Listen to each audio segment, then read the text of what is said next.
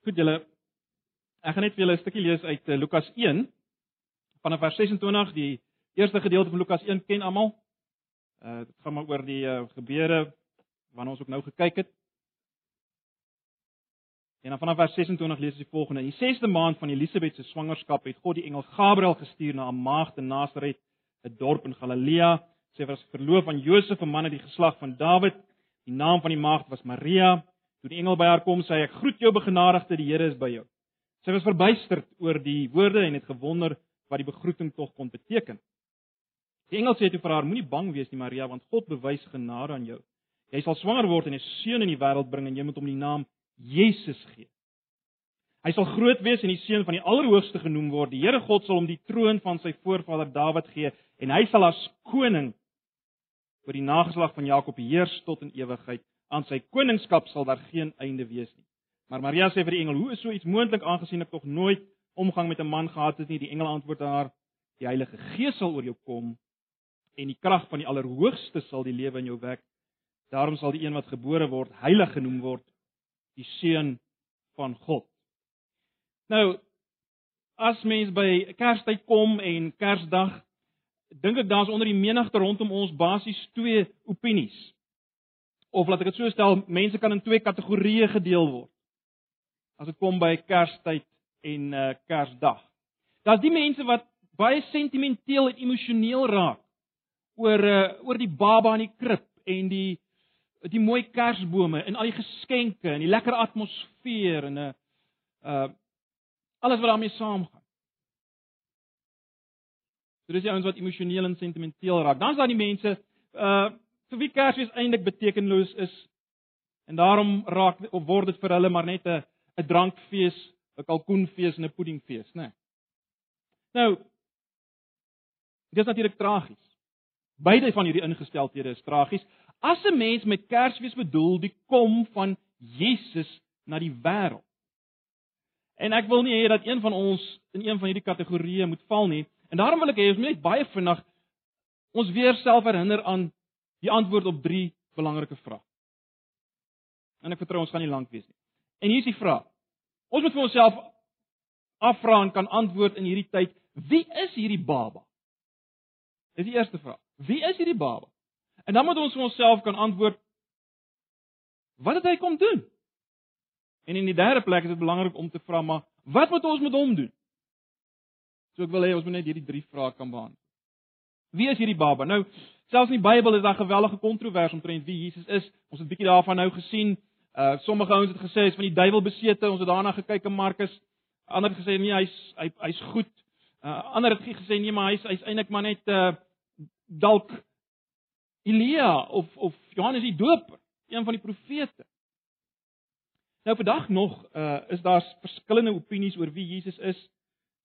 Julle kan maar self gaan Google al hierdie opinies.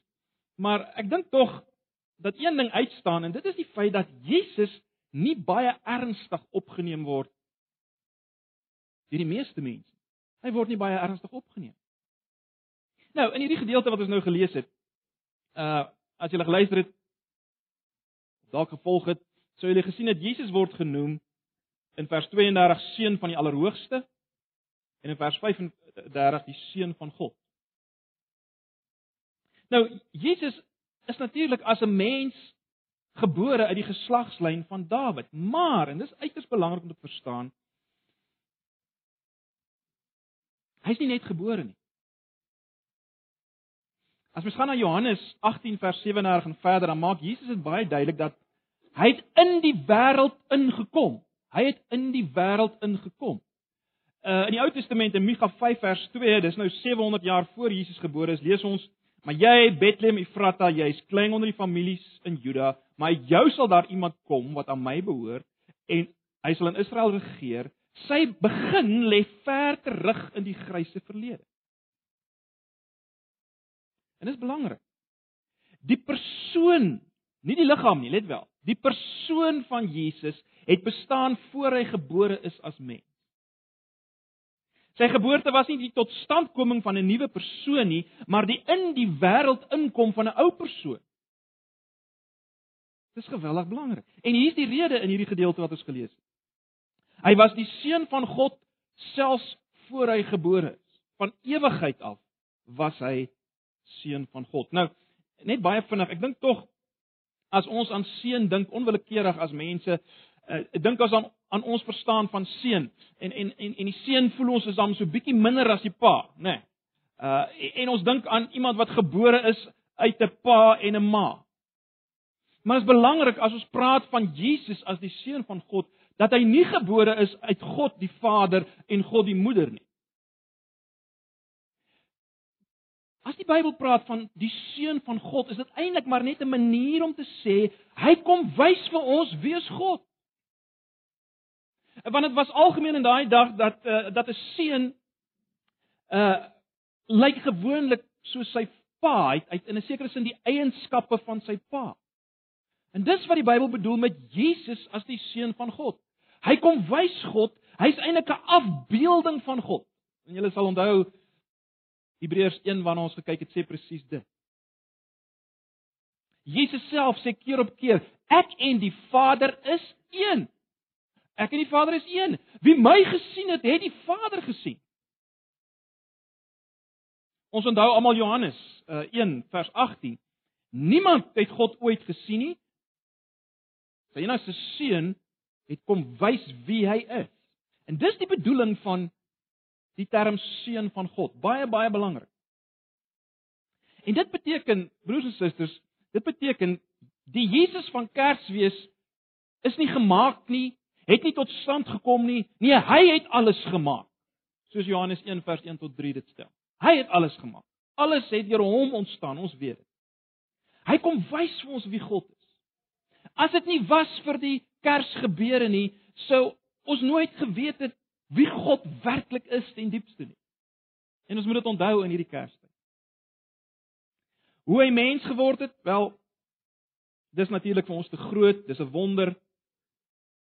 Vers 35 sê iets daarvan As die engel sê die Heilige Gees sal oor jou kom, sê hy vir Maria, en die krag van die Allerhoogste sal lewe in jou wek. Jy sien, dis die misterie, dis die wonder. En daarom die een wat gebore word sal heilig genoem word, die seun van God. Dis 'n misterie. Dis 'n wonder. En ons kan maar net buig daar eh, voor hierdie waarheid buig, né? Nee. Die belangrike ding vanoggend is dit. Ons moet nooit dat die prentjies van die menslike babatjie in die krib ons laat vergeet van die feit dat God het in die wêreld ingekom. God self het in die wêreld ingekom. Die onbegryplike groot wese God het in die wêreld ingekom. As jy die baba ignoreer om dit so te stel, dan ignoreer jy God. So dis baie belangrik om te weet wie is hierdie baba? 'n Volgende vraag, wat het hy kom doen? Dink net logies daaraan. Vir God om in die wêreld in te kom. Dis iets geweldig radikaal, geweldig ontsaglik. Daar moes 'n goeie rede wees vir God om in die wêreld in te kom. Nou bewuslik of onbewuslik, dink baie mense, uh Jesus het op 'n soort van 'n beloningstog gekom. Hy het gekom om presente te gee, amper soos Kersvader. Maar dis nie wat die Bybel ons leer nie.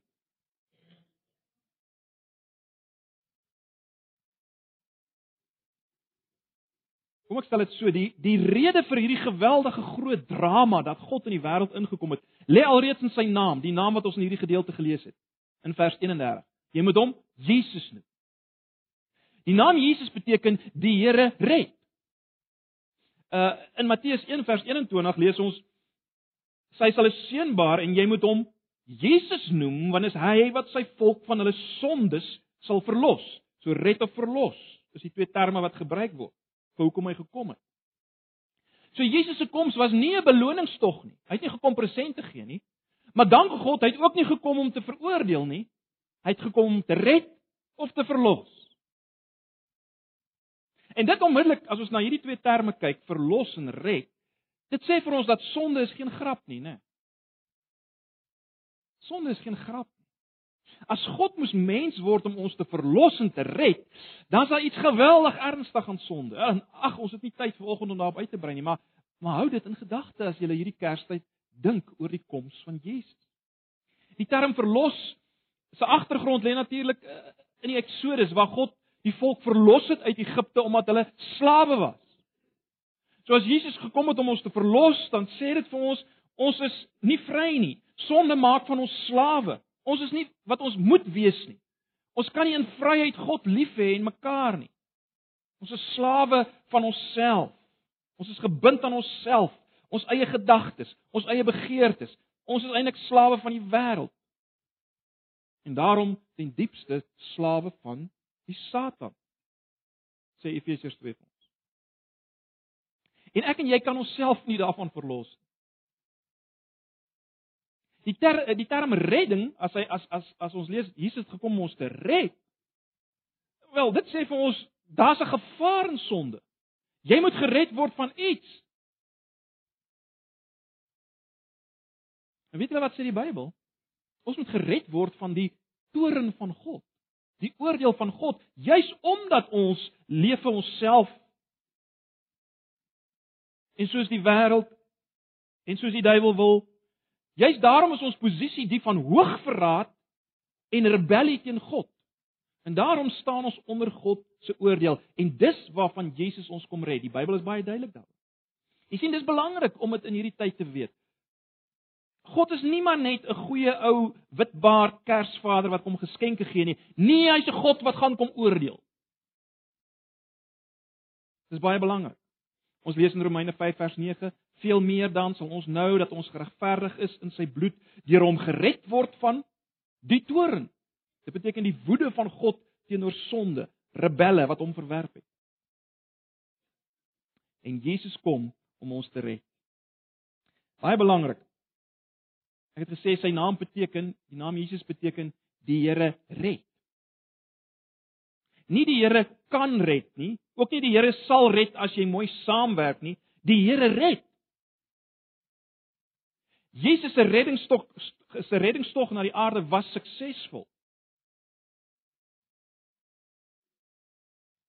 God het in Jesus die wêreld met homself versoen. Luister net 'n bietjie na Kolossense 1 vanaf vers 19. Ek gaan dit net lees. Luister. Ons lees want dit het die Vader behaag dat in hom, dit is nou Jesus, die ganse volheid sou woon en dat hy, dis God deur hom Jesus, alles met homself sou versoen nadat hy vrede gemaak het deur die bloed van sy kruis. Ek sê deur hom die dinge op die aarde sowel as die dinge in die hemele. Omdat ons van oordeel is dat as een vir almal gesterf het, hulle dan almal gesterf het en hy het vir almal gesterwe, so die wat sodat die wat lewe nie meer vir hulle self moet lewe nie, maar vir hom wat vir hulle gesterf en opgewek. En hier lees ons van die kruis en van dit wat gebeur het aan die kruis. Dis waar God dis waar Jesus die die verlossing bewerk het, nê, nee, baie belangrik. Maar ons het nou gesê Jesus is God, hy's gelyk aan God. En dit beteken die een aan die kruis was God. God het aan die kruis gehang. God die seun. So God kom verlos ons van sy woede teenoor sonde deur as te ware self onder sy woede teen sonde in te kom. En dis die ongelooflike wat ons ook moet onthou as ons dink aan Kersdag. Jesus sterf, God die Seun se bloed vloei as 'n bewys dat hy sterf. Maar dank God hy staan ook op wat sê dit was 'n sukses. Dit wat hy gedoen het aan die kruis was 'n sukses. Hy het in ons plek kom doen wat ons nie kan doen nie. Lewe geleef wat ons nie kan leef nie, die straf gedra wat ons nie kan dra nie. So die reddingstog wat begin het met sy menswording waaroor ons nou vanoggend gedink het, was suksesvol. Wat kan ons bydra? Wat kan ons doen? Jy kan dit net vat deur die geloof. Vat hom op sy woord dat hy dit gedoen het. So ons het nou gekyk na sy naam wat vir ons sê wat hy kom doen het. Maar daar's nog iets in die gedeelte wat ons gelees het. Ons lees in vers 32 dat hy 'n koning is wat kom heers. Nou, 'n koning in daai dae het alle seggenskap gehad oor sy onderdane, né? Nee. En dis baie belangrik. En ons lees in, in vers 33 hy gaan heers tot in alle ewigheid. Hy heers met ander woorde op hierdie oomblik. Hy leef en hy leef. Uh, Ekskuus, en, en hy en hy heers, hy regeer, né? Nee. met alle mag in die hemel en op aarde op die oomblik. Jy sien Jesus van Kersfees is nie maar net 'n hulpelose babatjie, 'n mooi storie van 'n babatjie wat in die wêreld ingekom het en en nou het dit eintlik niks te maak met jou lewe nie. Hy is 'n koning wat heers en dit het ontsaglike implikasies. En ek wil nie daarop uitbrei vanoggend nie, gaan dink self daaroor. Hy's God. Hy weet alles. Hy weet alles van jou. En het gekom om te heers. Jy is veronderstel om sy onderdaan te wees. Om te doen wat hy wil hê gedoen moet word. Hy's die regmatige koning. Gaan dink self daaroor in hierdie Kerstyd. Maar dan net baie vinnig laastens. Die laaste vraag wat ons moet antwoord. Ons het nou gesien wie hy is. Ons het gesien wat het hy kom doen? Wat moet ons met hom doen? Wel, wat kan 'n mens alleen doen met een wat God is? Wat koning is met alle mag en alle seggenskap en wat tog homself kom verneder het, kom swak word het 'n baba kom word het wat die pad geloop het van 'n hulpelose baba tot 'n bebloede mens aan die kruis vir my en jou. Wat alleen kan mens doen vir so wese?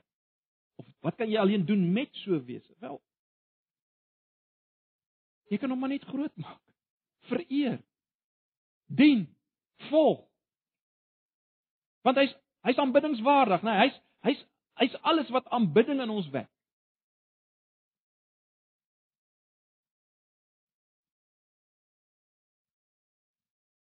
En as ons dan dink dat hy as koning ons steeds liefhet met die liefde wat hy vir ons gehad het aan die kruis.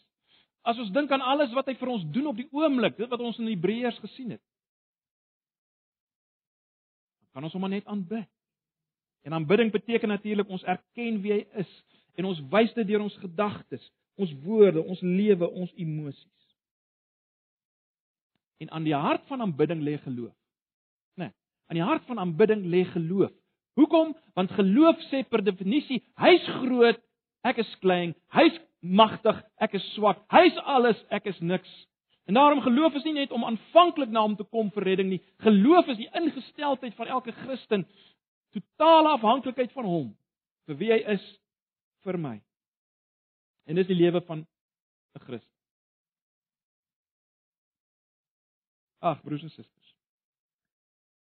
Mag die Here hierdie woord gebruik om ons in hierdie Kerstyd te beweeg tot aanbidding van Jesus.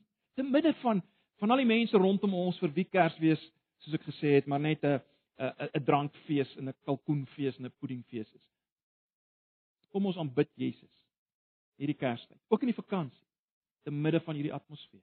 En mag alles wat ons vanoggend gesien het en gehoor het, ons maar net aanmoedig om hom te aanbid. Hy is dit werd. Hy is dit werd. Amen. Kom ons bid net. Ag Here, baie dankie vir vir hierdie woord. Baie dankie vir die oggend waarin ons U kan net kan groot maak vir wie is en vir wat U kom doen. En help ons, gee ons krag deur die werking van die Gees om U te aanbid vir wie U is. Asseblief, Here. Ons vra dit in Jesus se naam. Amen.